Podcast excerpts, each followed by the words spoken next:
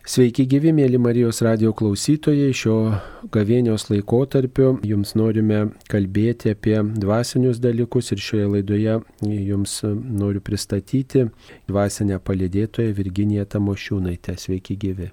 Sveiki, gyvi, garbėjai Kristus. Per amžius amen. Taigi mūsų šito susitikimo, šio pokalbio tema yra rekolekcijos, kuriuose dalyvauja per gavėnę daugybė žmonių įvairiom aplinkybėm. Vieni dalyvauja vykdami į vienuolynus, kartu su bendruomenė, kartu su bendraminčiais, o galbūt ir pavieniui žmonės ieško galimybių, kaip tokioj maldos aplinkoje susikaupti, pabūti ir pasiruošti šventoms Velykoms rekolekcijoms, tačiau kai kurie žmonės dalyvauja ir parapijose vykstančiose rekolekcijose, kurios gal skiriasi nuo tokių įprasto formato arba tokių klasikinių rekolekcijų, kurios tikrai jau yra išbandytos vienuolynuose ir, ir kurias praktikuoja na, įvairių pamaldumų tokie puoselėtojai.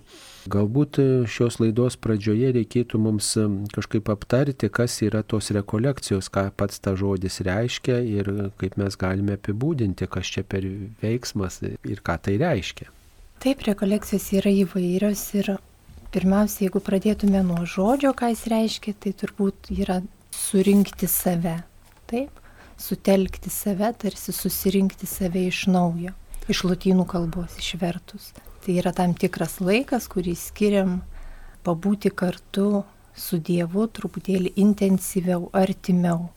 Ir aišku, kai mes va dabar galvojam, kad yra tos įvairios rekolekcijos, kai mes galim skirti tą laiką išvažiuoti kažkur ten pabūti, tai dabar ypač šituo metu turbūt ypač sunku atrasti tą laiką kažkur išvažiuoti, nes daug kas ir savanoriauja, turi įvairių kitų darbų, Ir tos rekolekcijos parapijai, man atrodo, yra labai geras dalykas, nes jos yra ir labai sena tradicija. Aš neatsimenu nuo kelinto amžiaus, bet žinau, kad tai yra tikrai nuo, nuo krikščionybės įsigalėjimo, turbūt ne, kažkur nuo 5-6 amžiaus tas gavėnios laikotarpis. Ir aišku, jos labai skirtingos yra ir, ir parapijoje žmogui vis tiek, vis tiek yra kitaip, reiškia, jis turi vėl grįžti į namų aplinką, jis vėl turi grįžti pas save, kur vėl viskas tas pats yra.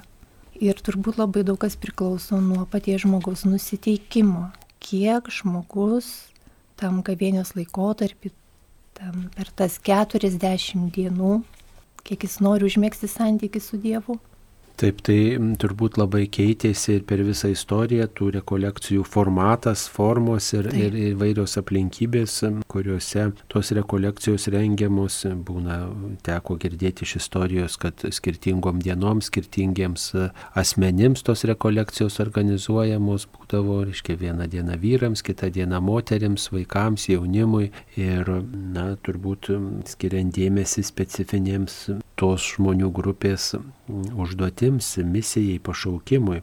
Bet e, vis dėlto, jeigu taip bendrai kalbėtume apie įvairaus pobūdžio tas rekolekcijas, tai kokius klausimus turėtų kelti rekolekcijų dalyvis, e, vykdamas į tokį susitikimą, į tą atsinaujinimą, tokį savęs surinkimą iš naujo, ar tiesiog pakanka vežtis atvirą širdį ir, ir tiesiog pasiduoti šventai dvasiai, kaip mane dvasia ves, taip ir bus, ar, ar tiesiog iš anksto ruoštis kažkokius e, klausimus būti iškėlus.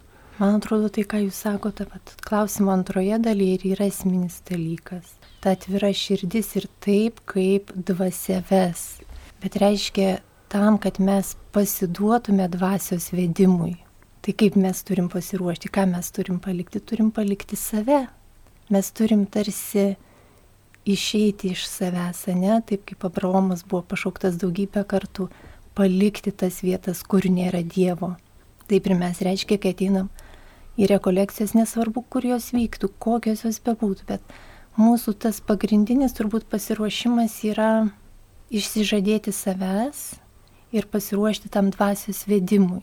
Nes jeigu mes kelsim lūkesčius kažkaip specialiai ruošimės, ne, tai reiškia mes norėsim kontroliuoti situaciją. O kas gaunasi iš to, kai mes, aš žmogus labai noriu kontroliuoti? Nu, nieko gero turbūt. Tai man atrodo, tas esminis momentas yra pasiduoti, pasiduoti ir nekelti lūkesčių, neturėti kažkokių didelių, kad aš nuvažiuosiu ir man kažkoks bus rezultatas, kažkas įvyks, ne? Tiesiog, vat, kaip jūs sakot, pasiduoti tam šventosios dvasios vedimui. Tai čia toks esminis momentas. Kita vertus, aišku, yra tam tikras tas nusiteikimas, ne, ta intencija. Jeigu aš tiesiog šiaip atvažiuosiu, nu kaip bet kur išeinu į gamtą, ne, pasivaikščiu, tai Žinoma, žinoma, tai gali būti tiesiog tuščias laiko praleidimas ir pro vieną ausį įeis, pro kitą išeis, ten ar ką kunigas sakys, ar vienuolis. Tai tas nusiteikimas, tas kitokio matymo, kitokio girdėjimo įjungimas, jis aišku labai svarbus yra. Ir čia vėl turbūt atsigrėžėm į tą patį, kiek aš galiu savęs išsižadėti, kiek aš galiu pamiršti tai, kas, kas reiškia mane įkalina, kas man trukdo tam santykiui su, Dievu. Bet ar įmanoma taip visiškai atsižadėti e, nuo tuo, kuo gyvenu iki tol, pavyzdžiui, man dideli rūpeščiai ten darbe, šeimoje, dideli visokie klausimai, kažkokie nepritekliai, kažkokie konfliktai, kažkokie išbandymai, kažkokie neįveikti darbai, kažkokia stoka, trūkumas ar, ar ten nuovargis, dar kažkas. Ir žinot, žmogus su visu tuo atvažiuoja, ateina į tas rekolekcijas, ar, ar įmanoma kažkaip nuo to viso atsiriboti kažkaip. Viena vertus neįmanoma, nes mes esame žmonės, mes visą tai jaučiam, turim ir tai mus legia. Bet kita vertus, žiūrėkit, jeigu mes galvojam apie Dievą, jeigu mes galvojam apie tai, kas yra ir mūsų širdyse, ir mumise, bet ir yra kažkas daug daugiau negu mes, ne? Tai mūsų santykis su Dievu, juk jisai gali būti užmeskamas, žinoma, per tuos visus rūpešius, bet prasibrovus pro tai. Prasibrovus per visas tas nuodėmės, sunkumus, taip mes turim kažkaip prasiirti į tą gelmę, kaip Jėzus sakė, irkitės gilin. Tai žinoma, žinoma ir ypač tylos rekolekcijose, jeigu nuvažiuoji keletui dienų, tai pirmas dienas net neįmanoma tylėti, atrodo išprotėsi, kaip tos visos mintys atakuoja, kaip jūs sakot, visi tie rūpešiai, visi tie klausimai ir jie dar užaštrėja. Bet paskui įvyksta lūžio momentas, tarsi atsiduri nuliniam taške, kai supranti, kad dėl to man buvo sunku, kad aš norėjau viską kontroliuoti. Aš norėjau, kad būtų pagal mane. Ir kai atsiduri tam nuliniam taške, tada pradedi galvoti, o Dieve, o kaip tu nori, kaip tu nori, kad tai būtų. Ir va tada, va tada atsitinka kažkas, va tas mūsų perkeitimas, tas mūsų atsivertimas. Tas momentas dėl ko mes ir einam į rekolekcijas, dėl ko mes norim susirinkti save. Bet ką reiškia susirinkti? Atsiversti, atnaujinti.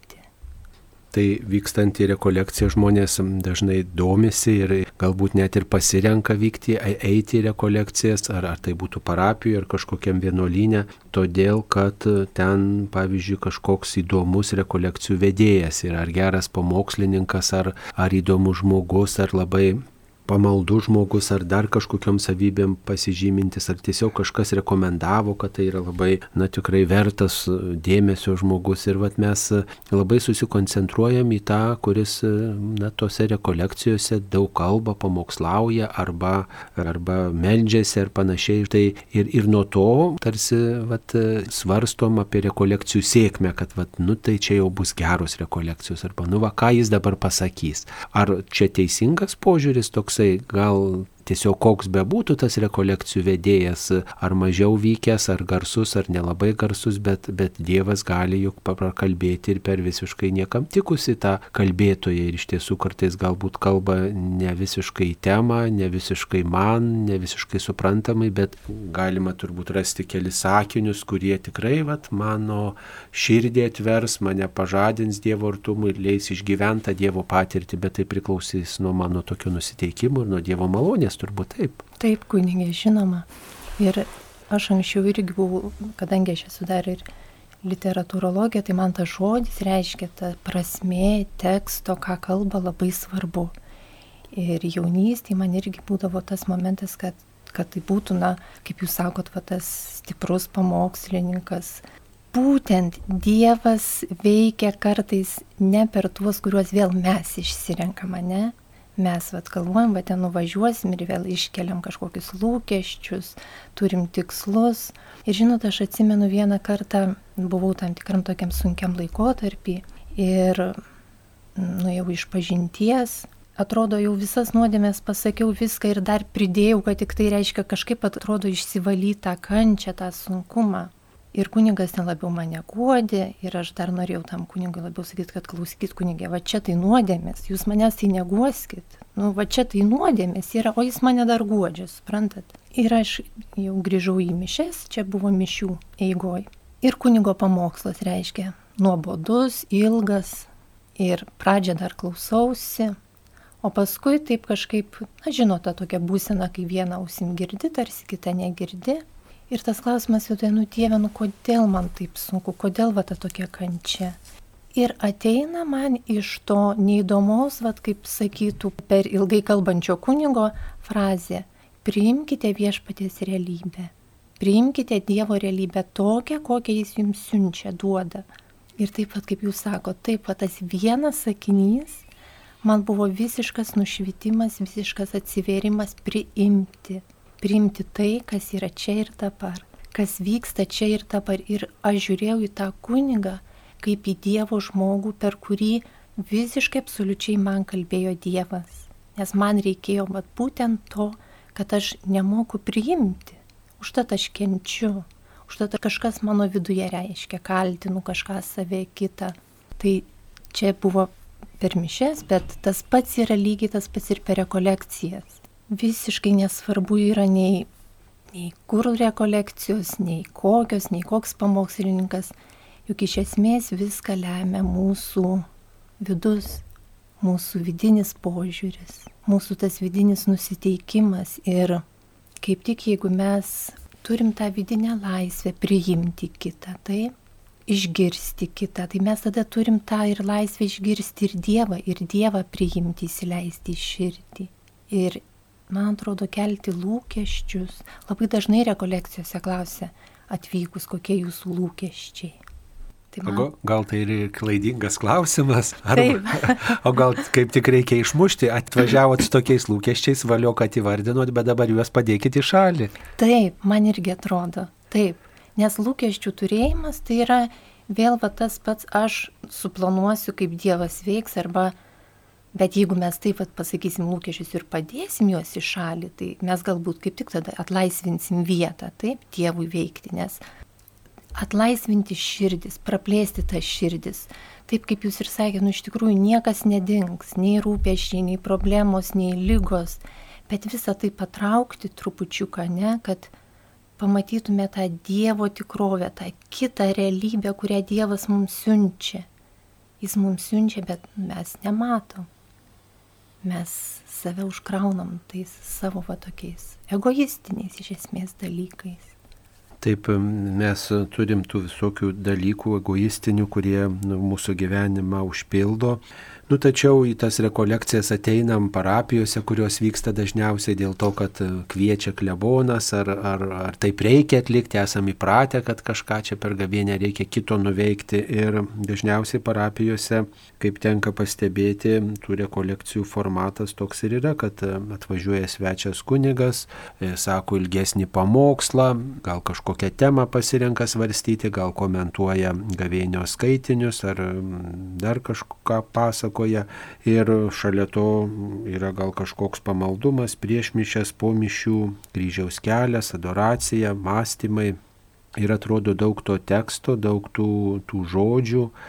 Ir, na, turbūt dažniausiai tai mes praleidžiam prausis, nu, va, dalyvavau, buvau fiziškai, va, bet ar išgirdau kažką, ar kažkoks pokytis yra, ar buvo labai įdomu, na, turbūt kaip nepraleisti kažkokios esmės tų rekolekcijų, gal ieškoti to vieno sakinio, kurį vat, mhm. kaip jūs minėjot, liudyme, ar, ar tiesiog bendrai su tokia atvira nuostata, o kur čia apie mane, va, toj mhm. kalboj, tuose giesmėse, tame pamaldume, kur čia žinia apie mane, kas čia man tiktų, ką aš galėčiau čia užrašyti savo dienoraštį arba savo širdį, ką įsiminti ar, ar, ar į ką galėčiau būti kviečiamas ar kviečiama. Kai kaip nepraleisti pro ausis va, tų, tų daugybės tekstų, kuriuos girdžiu per rekolekcijas. Mm. Pirmiausia, dabar man kas kilo tokia mintis, kad visi va, tie, tarkim, na, įvardinsiu tokį techninį, sakykime, dalykai, ne, ten pamaldumai, ten kryžiaus kelias, rožinio kalbėjimas, man atrodo, tai yra labai svarbu ir labai gerai.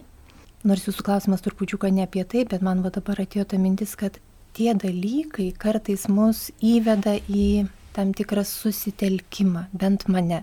Ir kartais žmogui yra sunku užmėgsti tą iškart gyvą santykį su Dievu, tą, į tą maldą įeiti taip, tokią, kokia jinai, kad reiškia, duotų kažkokių tai vaisių, rezultatų.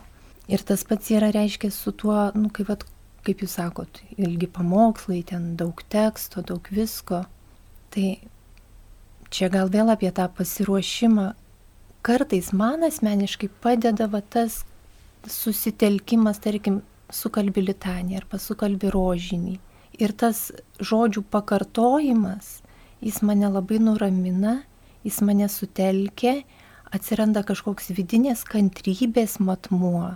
Ir tada gali klausytis ir išbūti, ir kantriai išsėdėti, ir išadoruoti Ir žinoma, nereikia visko atsiminti ir negalima visko priepti. Tai yra neįmanoma ir koks tikslas. Taigi nėra čia, kad mes įsirašom informaciją, ne? Mūsų tikslas ir yra atrasti tai, ką mums Dievas nori pasakyti per va tą laiką, per tą gavėnios laiką. O kaip jau Dievas man prakalbės, ar per skaitinį, ar per kunigo pamokslą, tai tik vienas Dievas ir žino. Taip, ir žmogus, kaip žmogus turi atpažinti. Kaip jėzuitiškose rekolekcijose sako, tai širdis turi atsiliepti, širdis turi pajusti tą tokį tarsi momentinį užsidėgymą, ne? Kažkas reiškia suvirpa. Aš sėdėjau, sėdėjau ir o, išgirdau. Klausiausi, klausiausi ir supratau kažką. Ir va tas momentas reiškia yra, kai dvasia tave kalbina, kalbina iš vidaus, Dievas tave kalbina iš vidaus, nes ta Dievo dalelė mumise yra kažkur, kažkur.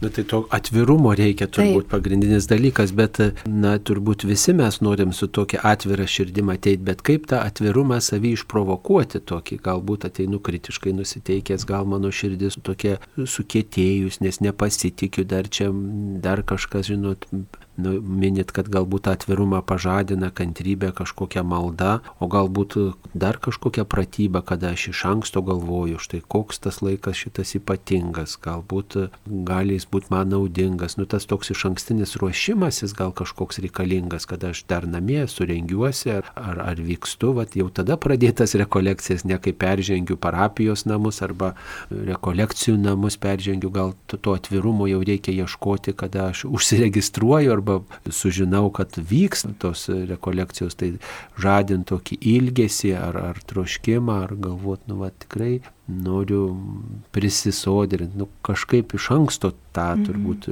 savo širdį ruošti, tai tada tas atvirumas įmanomas. Taip, taip jūs labai gražiai paminėjote tą žodį ilgesį. Turbūt visi, aš taip manau, kad visi žmonės yra patyrę kažkada tą tokį Dievo ilgesį. Taip, ir prisiminti tuos momentus, kada vat aš patyriau tą Dievo ilgesį, kada aš patyriau Dievo artumą ir su tuo prisiminimu galima ateiti į rekolekcijas, atsinešti tai, tai, tą kaip prisiminimą tokį. Kitas dalykas yra ir kiti tie būdai, kaip pavyzdžiui, na, iš tikrųjų svarbu yra atgaila ir išpažintis. Tikrai labai svarbu. Ir jeigu mes jaučiam kaltę, kaltina mus dažnai ir piktasis. Bet jeigu mes tikrai jaučiamės padarę kažką, tai įžeidę, įskaudinę, tai vis dėlto nueiti iš pažinties, pasikalbėti. Labai svarbu yra tas apsivalyti, taip, nes jeigu mes prausėmės, valomės dantis, tai tas dvasinis apsivalymas irgi labai svarbus yra. Ir kiek aš žinau, aš ją praaiškiai nemoku, bet tik tai iš rekolekcijų, bet irgi yra ta surinkta tokia reiškia informacija, kad nuodėmė hebrajiškai yra prašauti pro šalį. nepataikyti į tikslą. Tai jeigu mes suvoksim, kad reiškia ir tai išpažintis, tai nėra va tas, kad aš nueinu ir čia dabar save kaltinu, kaltinu, kaltinu, kažkuo tai ten reiškia, kaip aš tada sakiau, kad dar daugiau stengiuosi tų nuodėmių pasakyti, nes skrupulai visokiausi. Nereiškia suvokti, kur aš prasilenkiau su Dievo realybė, kur aš prasilenkiau su ta jo tikrovė. Va ta atvira širdis, sunkus klausimas iš tikrųjų, kas tai yra, nes pamatyti tą Dievo tikrovę, nenorėti ją pamatyti, norėti atsiverti tai tikroviai. Man atrodo, graikiškai metanoja yra tas atsivertimas labai gražus žodis, ne? Tas Velykų, paschos, kitas žodis. Jeigu aš neklystu, bet reiškia kažkoks procesas, tai neįvyks vienos praktelėjimo momentu. Ir ta širdis ten spraktelius neatsivers. Bet kaip jūs sakot, jeigu aš prisimenu, kad kartais mūsų apimas tas egzistencinis ilgesys, tas kažko tai reiškia begalinio, va, tam, kažkokia ar tai meilė, ar ta gailestingumas kažkoks, ne, tai va, tai yra tas momentas, nu, nuo kurio atsispyrę mes galim pradėti rekolekcijas. Ir žinoma, rekolekcijos, jeigu mes einam, pavyzdžiui, į parapijos rekolekcijas ir grįžtam namo. Ir namie belekas bardakas. Tai ar, ar čia bus naudos? Turbūt tikrai jokios naudos nebus reiškia, kaip Jėzuitai sako, Dievas yra visur. Jis veikia absoliučiai visur. Ir gatvėje, ir miške, ir turgui, ir rekolekcijose, ir namie. Tai va čia tas reiškia savęs sutelkimas, suvokimas yra vis dėlto ir tam tikra savęs išorinio galbūt šiek tiek suvaržymo ir vidinio išlaisvinimo kelias, tas būdas, ne, tas ta metanoja. Nes gavėnė ir pasninkas, ir atgaila, ir malda. Dabar mes visi labai melžiamės, kai karas Ukrainoje, tai čia visi va dabar labai, labai melžiamės ir va, va šitas, man atrodo, toks užsidėgymas melstis, va jis gali būti mums visiems pavyzdys, kaip mes turėtume melstis. Va taip kaip dabar melžiamės visi. Ir daugybė dabar žmonių, kurie niekada nesimeldė, sako, aš dabar jau melžiuosi. Tai vat, va tokia gavėnė ir turi būti. Kai net tas, kuris niekada nesimeldė, sako, dabar žinok, aš taip meldžiuosi, kad ir čia nežinau, tai čia ne į temą, bet mačiau tą tokį vaizdų įrašą, kai Ukrainos kareiviukas liudyja tai, kad sako, mes jaučiam jūsų maldą. Jaučiam, kad mus kažkas nematomas praveda, išsaugo. Tai sako, jūs tik melskitės. Tai va, va čia yra tas kalbam apie gavėnę, ne? Bet iš esmės tai ne tik gavėnios laikotarpiu taip turėtų būti. Juk kalbam apie apskritai mūsų gyvenimo, turbūt visą, visą tokį kaip, na, kaip mes gyvename. Koks mūsų santykis? Tai gal dievu? tos sunkios aplinkybės, kurios, reiškia, čia yra netoli mūsų ir kai jaučiam, kad gali ir prieš mus visi tie sunkumai atsigręžti, tai tuomet ir, ir tas atvirumas didesnis gimsta.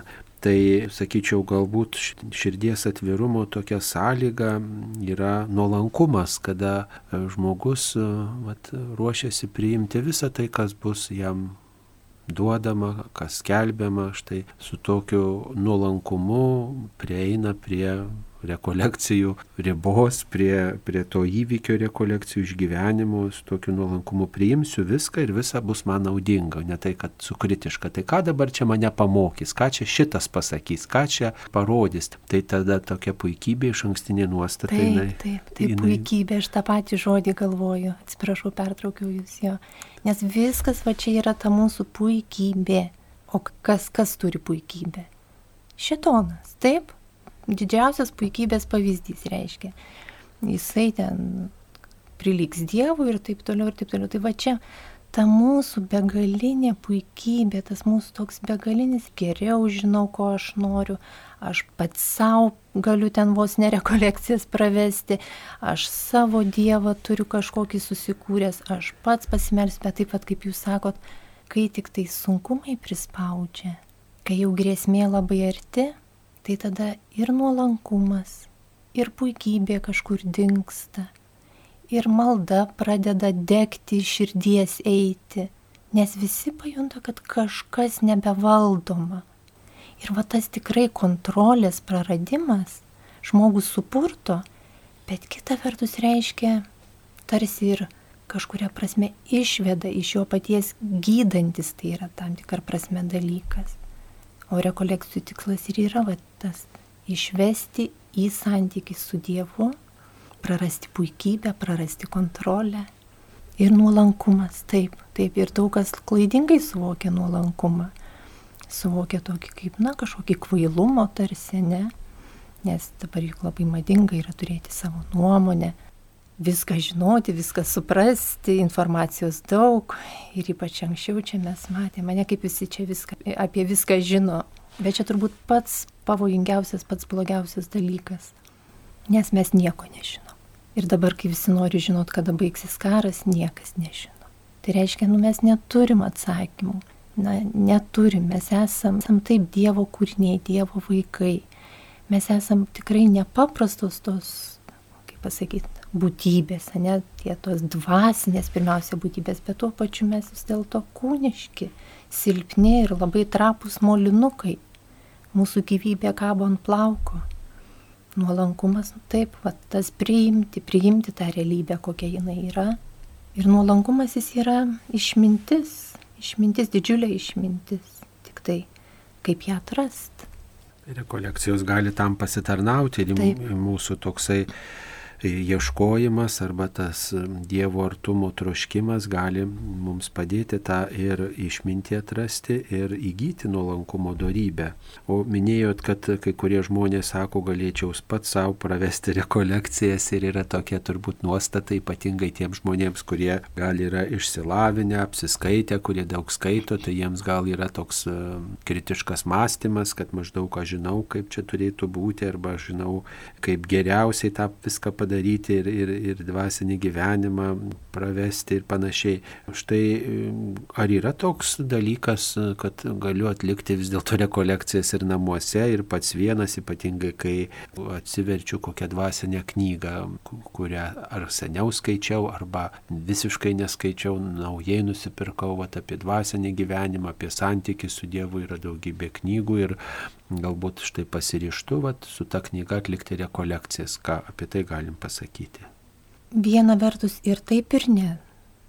Juk vis dėlto rekolekcijų esmė yra turbūt nelikti tik su savimi, ne savo aplinkoje, savo namuose, su tavat kažkokia knyga, nes tada kam jų reikia tų rekolekcijų, jeigu mes viską patys savo galim. Viena vertus, taip, nes vis dėlto tai yra bendruomeninis tas jausmas. Būti rekolekcijose tai ir pabūti bendruomeniai, bendroje maldoje. Antras dalykas, vis dėlto dvasiniuose dalykuose yra labai svarbu vedimas. Ir ar išpažintis, ar dvasinis pokalbis, Žmogus pats savo labai greitai gali prisikurti visokių fantazijų, įsivaizduoti, kad jis jau ten ar labai šventas, ar dar ką nors. Ir tas per rekolekcijas pokalbis ar su kunigu, ar su dvasiniu palidėtoju, jis atstato tam tikras realybės tas ribas, ne? Kitas dalykas, žinoma, kad jeigu mes e, neturim tos galimybės išvažiuoti ten, nueiti taip, tai Žinot, aš niekada savo nesu bandžiusi pravesti rekolekcijų. Aš negaliu atsakyti šitą klausimą, nes man net tokios minties nebuvo, kad aš pati savo kažką pravesiu. Man tai atrodo kažkas, kaip tu gali pati save gydyti. Vis tiek tu kreipiesi pas gydytoją, jeigu tau kažkas negerai. Tai ir dvasiniuose dalykuose yra žmonės, kurie tau padeda eiti tuo keliu. Nes jeigu mes kažkur vykstam, mes nežinom kelio, mes žiūrim ką žemėlapį, žiūrim kažkokį maršrutą ir neklaidžiojam bet kur, ne, pasiskaitę apie tą vietą gražią knygą. Tai ir čia tas pats.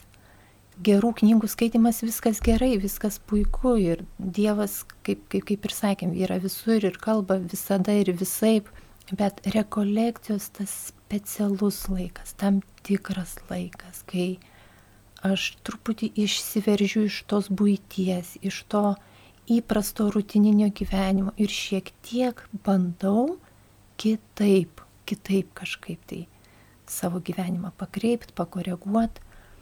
nežinau, aš tokių dalykų, kad pati savo rekolekcijas, tai net, net neįsivaizduoju, nes man atrodo, tai labai greit gali nučiuošti belė kur. Bet kur, kur, kur reiškia, kas dar labai svarbu, prieš rekolekciją žinoti, kad tikrai suintensyvėja tos tamsos toksai proveržys, piktojo tarsi toks gundimas, kad ai tingiu, nenoriu, neturiu laiko, aš čia pats, va, kaip jūs sakot, labai protingas galiu būti savo knygučių pasiskaityti. Tai va šitą irgi labai svarbu žinot, kad jeigu tik tai žmogus pajuto viduje širdį, tarkim, per mišes kunigo vat, buvo išsakytas kvietimas ateikit, ten bus kažkokios rekolekcijos, tai bus kažkoks adoravimas. Ir žmogus pajuto, kad noriu. O paskui per visus darbus tas toks gundimas, neik, nėra kada, čia tik tušės laiko gaišimas, tai man atrodo, va čia reikia labai aiškiai suvokti, kad Dievas tave jau pakvietė. Ir, kaip jėzuitai sako, laikykitės to pirmo, pirmo švelnaus Dievo balso, laikykitės to pirmo pasiryžimo. Jeigu buvo ta širdies tas suvirpėjimas, kad noriu, noriu eiti, noriu dalyvauti, tai ir eikit, nu, valingai, įjungti ir valios reikia, reikia tam ir valios. Nes tikrai tų gundimų aš pati su daugybę kartų patyrus jau susikrauni lagaminus, važiuosi, vasarą pavyzdžiui, ne, į Guronis važiuoju dažnai, važiuodavau į tas tylos rekolekcijas ir atrodo toks geras oras, jau geriau būtų prie jūros.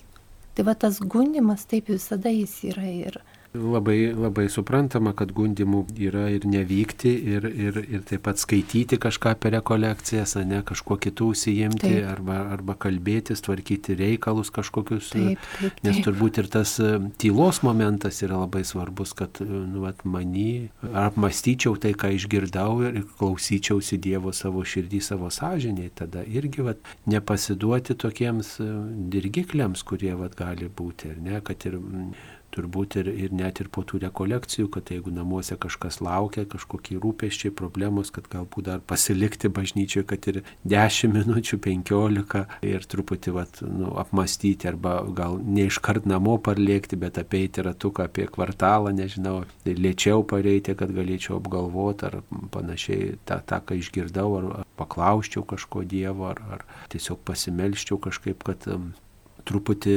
gromuluoti, atrajoti mhm. tą, tą, tą, tą patirtį, žinę, pasiryžimą, kurį savo širdį turiu.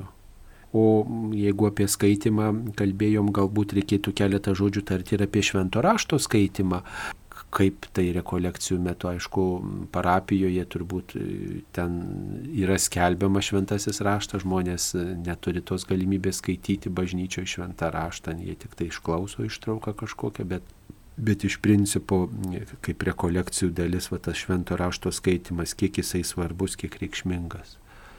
Man atrodo, tai yra esminis dalykas. Nes, kaip jūs sakot, jeigu mes pradėsim skaityti kitas knygutes ar tvarkyti kažkokius kitus reikalus, ar galvoti dar apie kažką, tai, tai ir tai, kad parapijos yra skaitomas šventas raštas, tai irgi yra labai gerai, nes iš tų skaitinių lygiai taip pat mus gali paliesti Dievo kažkoks tai žodis, Dievo impulsas, tas dvasinis impulsas. O švento rašto skaitimas, man atrodo, yra pamatinis dalykas, esminis dalykas. Ir ko man kartais truputį gaila, kad mes labai koncentruojamės į naująjį testamentą, kuris, man atrodo, yra kaip visako toks stogas O pamatas yra tas senasis testamentas. Ir daugybės dalykų mes nesuprantam, nesuvokiam, nes reiškia, taip ir neperskaitom to senojo testamento, taip ir neįsigilinam, taip ir nežinom, ką ten turi vienas ar kitas apaštalas ar evangelistas omeny, kai kalba ten Abraomo dievas, Izaoko dievas, Jokūbo dievas, kas už viso to slypi ir net pačių Velykų prasme, pascha, pescha, Dievas praėjo. Ką reiškia, kada tas Dievas praėjo, dėl ko jis praėjo. Jeigu mes skaitom ir atsimenam tuos 40 metų, kai reiškia viešpats išveda žydų tautą iš Egipto vergyjos, sumodė prieš akį, taip. Ir Dievas eina kartu su žydų tauta, tai ugnies tulpu, tai debesimi, va tas Dievo galybė, jinai praeina. Ir mes, reiškia, galvojam, kad va tas Senojo testamento Dievas, tai va tas Dievas, o va šiandien Dievas tai jau tarsi kitoks kažkoks, ne? Per Jėzų Kristų, va čia kažkaip kitaip. Bet tai yra tas pats galingas Dievas, tai yra tas pats, tas pats Dievas, kuris pasirodė Mosiai degančiam krūmė. Tas pats Dievas, kuris mirė ant kryžiaus. Ir tas pats Dievas ir šiandien ir dabar yra. Tai, man atrodo, švento rašto skaitimas yra, yra tas hermeneutikos mokslas. Žinot, kada, reiškia, mes aiškinam tekstą pačiu tekstu. Pačiu tekstu, taip, taip. Tai va čia man yra tas grožis, kai aš išgirstu kokį nors ten esu sėki klausiusi mesijaninio žydų, kuris reiškia įtikėjęs į Kristų ir jis žino puikiai Torą, tą Senąjį testamentą ir Naująjį testamentą ir jis visiškai viską aiškina ne savo nuomonę, ne savo interpretacijom, o švento rašto eilutėm. Tai atveria raštų prasme.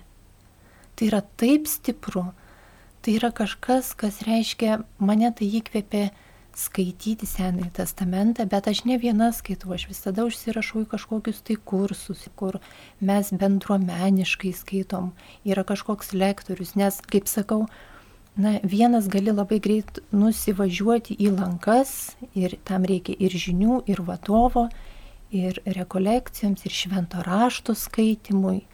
Yra įvairių būdų Pavyzdžiui, protestantai skaito šventą raštą ir jie patys savo labiau linkia, jeigu aš neklystu, aš galiu klysti, patys savo labiau interpretuoja.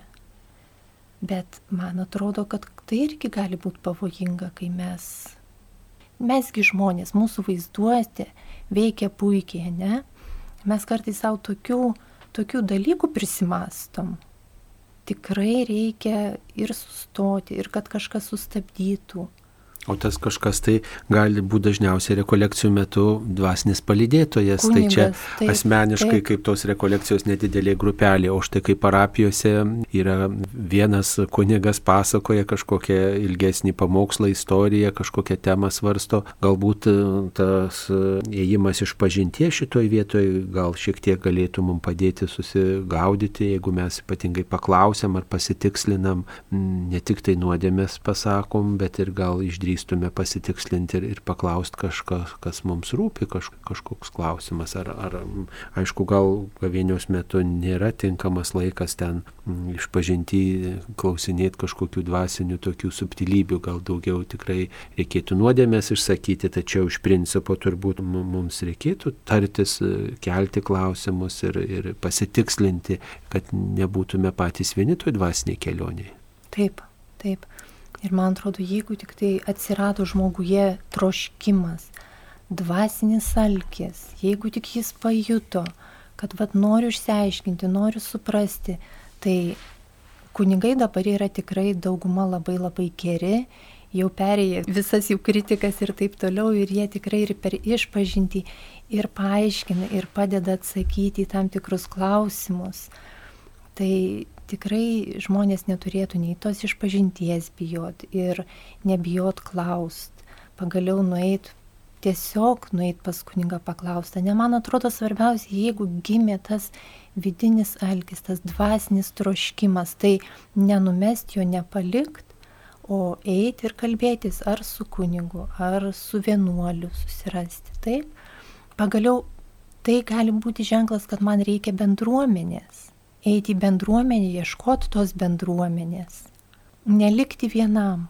Čia turbūt didžiausia problema, kad tų klausimų nekyla. Išklausėm, kas buvo pasakyta, palingavom galvą, nu, nuėjau iš pažinties, pasakiau nuodėmės, gal formaliai, gal trafaretiškai. Mhm. Nu ir, ir vėl vis, tipo pasiruošiau šventoms Velykoms, jau čia viskas jau atlikta. Na va, tai gal, gal reikėtų, nu kažkaip truputį kitaip save ugdyti šitoje vietoje, truputį išeiti iš to tokio rato arba rutinos rato, net ir mhm. rekolekcijų va, šito momentu. Taip, čia yra daugybė mūsų, kurie mes einam, reiškia ir atrodo, niekas nesikeičia, kad eina į tą bažnyčią, ten meldžiasi ir taip toliau. Ir net per dvasinį pokalbį kartais žmonės man sako, žinokit, aš tiek meldžiuosi ir niekas nesikeičia gyvenime. Ir pasiklausai ir atrodo žmogus tikrai ir toks tikintis, ir tiek meldžiasi, ir niekas nesikeičia jo gyvenime. Ir tarkim, va ir per rekolekcijas, žmogus gal nuės atlankys rekolekcijas ir nieko neįvyks. Tai viena vertus reikia žinot, kad Dievas turi teisę ir nepasakyti, taip? Nu, Dievas turi teisę neatsiliepti. Pasakyti, ne, nebus taip, kaip tu nori Nes žmonės kažkaip galvoja, kad, nu, va taip turi būti, kaip jau jie įsivaizduoja. Nu, bet galbūt nebūtinai taip. Kitas dalykas, kaip mes melžiamės, ne? Kaip, kaip mes va tą, mes vėl grįžtam prie to paties, su kokia mes tą širdim ateinam, su kokia nuostata. Ir kartais, kai kalbuosi su žmogumi ir jisai atrodo ir rožinį kalbą, ir bendruomeniai dalyvauja, o vis tiek ten, tarkim, namuose pykčiai, konfliktai ir niekas nesikeičia. Tai aš tada sakau, tai eikit ir darykit gerus darbus. Jeigu neišeina net viską techniškai tarsi žmogus daro ir iš pažinties eina ir taip toliau, o nieks nesikeičia. Kažkur yra įstrigimas, kažkas įstrigę yra. Ir mes negalim įlysti į kito žmogaus vidų ir pamatyti, ne? Pats žmogus turi savo suprasti, gal ten yra net psichologiniai kažkokie tai dalykai, traumos. Bet tokiais atvejais, man atrodo, tie geri darbai, savanorystė, tie meilės darbai kartais labai padeda pagyti. Ir gavėnė irgi yra tas laikas, ypač dabar, kai vat, tas karas Ukrainoje, tai čia visi lietuviai dabar tokie geri iš tikrųjų, tokie susivienėję, tiek daug gerų darbų daro, tie geri darbai savo artimui bet ne šeimai, bet nueiti vat kažkur kitur daryti kitiems, kitiems. kitiems. Taip, tai gydo ir per tai Dievas kažkaip žmogų išmoko ir nuolankumo, ir kitaip melstis. Tai aš tada tik tą sakau, eikit ir darykit gerus darbus, eikit ir savanoriaukit. Eikit, pilstykit sriubą, plaukit grindis, nu bet ką, eikit, darykit, jeigu jau matot, kad užsisukot tam rate ir reiškia viską daro, ir, ir niekas nesikeičia. Taip. O gavėnios metu vykusių rekolekcijų sėkmė turbūt irgi yra tas pavojus kažkaip išmatuoti, ar čia ramybės tokio širdį gavau, ar čia susitaikiau, arba čia labai gerai kalbėjo, labai gražiai kalbėjo tenai, labai įdomu buvo, ar tikrai, ar tai yra ta rekolekcijų sėkmė, žodžiu, ar iš viso reikėtų matuoti, kad vat, maždaug, o buvo geros rekolekcijos, arba buvo prastos rekolekcijos, ar tai teisinga. Viena vertus džiugu, kai yra ir geras pamokslininkas, ir kai ten ir širdį ramu, ir gera, ir kodėl tuo nepasidžiaugti. Aš pati tuo visada džiaugiuosi, jeigu ta paguoda ateina. Taip, jeigu ir ramybės daugiau, ir susitaikymo, ir atrodo tarsi viskas lygiau, ramiau, aiškiau. Kita vertus, nu, vat vėl tas pats yra momentas. Nu, Dievas turi teisę būti nekontroliuojamas, jis turi teisę ir ir kitaip veikti. Jis turi teisę ir po rekolekcijų dar labiau mus supurtyti ir galvoti, kad ta sėkmė išmatuojama. Tai turbūt neįmanoma išmatuoti. Ar galim išmatuoti meilę? Kažin. Ar galim išmatuoti tikėjimo gilį ir kiek aš tikiu? Nu, tai nepamatuojama, tai vėl yra tas pats pasidavimo jausmas, nuolankumo jausmas. Ir žinot, dabar man visai truputį kita mintis atėjo į galvą, bet mes realybę suvokiam trimatę, plus yra tas ketvirtas laiko matmuo, bet mes net nesuvokiam, kas tas laikas. Žinom, kad linijinis. Vabždžiai ten musės, man atrodo, suvokia tik dvimatę erdvę ir jų laikas labai labai lėtas pasirodo, yra viskas kaip sulėtintam filme. Kirmeliukas suvokia tik tai iš vis vienmatę erdvę pirmin atgal. O mokslininkai, fizikai yra ištyrinėję, kad mūsų visatoj už mūsų žemės jau yra mažiausiai dešimt matė erdvė. Tai, nu, vad pagalvokim, kaip mes čia ką galim matuoti. Kaip, nu, vad tas kirmėliukas tik tai pirmin atgal, mūsų jau truputį daugiau, mes tik trimatę va tą va kambarį suvokiam, ne, tą va. Bet reiškia, net nesuvokiam, kas yra penkiamatė, šešiamatė erdvė kokie ten parametrai ir kas yra ta dešimt matė erdvė, Tai vad, jeigu mes truputį tą mąstymą praplėstume, trupučiuką išeitume už, už, už tos mūsų rutinos, už tų rūpeščių, taip tai yra labai labai svarbu, bet, nu, neįmanoma išmatuoti to, kas neišmatuojama. Tai kitaip sakant, net ir po rekolekcijų, kokios jos bebūtų, tokį atvirumą palikti, kad ne viskas išbaigta. Čia vad kažką patyriau, kažką supratau, kažką nesupratau, bet dar tu dievėsi didesnis, dar tu gali šitą paruošti ir viešpatė, tu pataisyk, kas, kas ne tai buvo ir, Taip. ir tu ugdyk tai, kas gera ir tiesiog su tokiu atvirumu eiti į šventasias Velykas. Taip, taip, taip, visiškai taip. Taip būtent su tuo, kad visada tas procesas, ta metanoja man labai gražus žodis, visą laiką reiškia, ką Jėzus sakė, aš esu kelias, tiesa ir gyvenimas. Kelias išeinu, einu, procesas vyksta kažkas. Tiesa kažkoks reiškia pamatymas, kažkoks aiškumas. Ir va tada gyvenimas. Tas gyvenimas, kuris ir šiapus, ir anapus. Tai niekas neprasideda tik gavėnė ir nieks jie nepasibaigia. Bet yra tai labai gražus, labai gražus mūsų krikščionių bažnyčios turtai, lobiai. Ir kaip sakė seseris asumsionistės, kuriuom aš Vilniuje labai draugaudavau, kad būtų kvaila nesemti iš krikščionių bažnyčios tuos lobius, kokius jinai turi.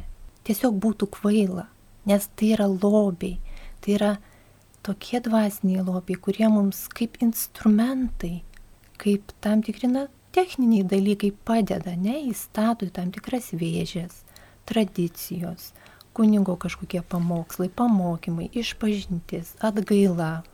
Jeigu niekas neveikia, tai geri darbai ar yra į daugybę instrumentų mums duota. Tik tai darykim, gyvenkim, eikim, naudokimės tuo. Turbūt blogiausia nieko nedaryti. Tai gavėnė ir skirta tam veiklumui. Nors ir kalbam apie tylą ir sustojimą, tačiau tam ir sustojam ir dalyvaujam rekolekcijose, kad mūsų gyvenime tikrai vyktų pokyčiai ir tikrai kažkokius vaisius duotume Dievui, kitiems ir aišku patys matytume savo pokytį.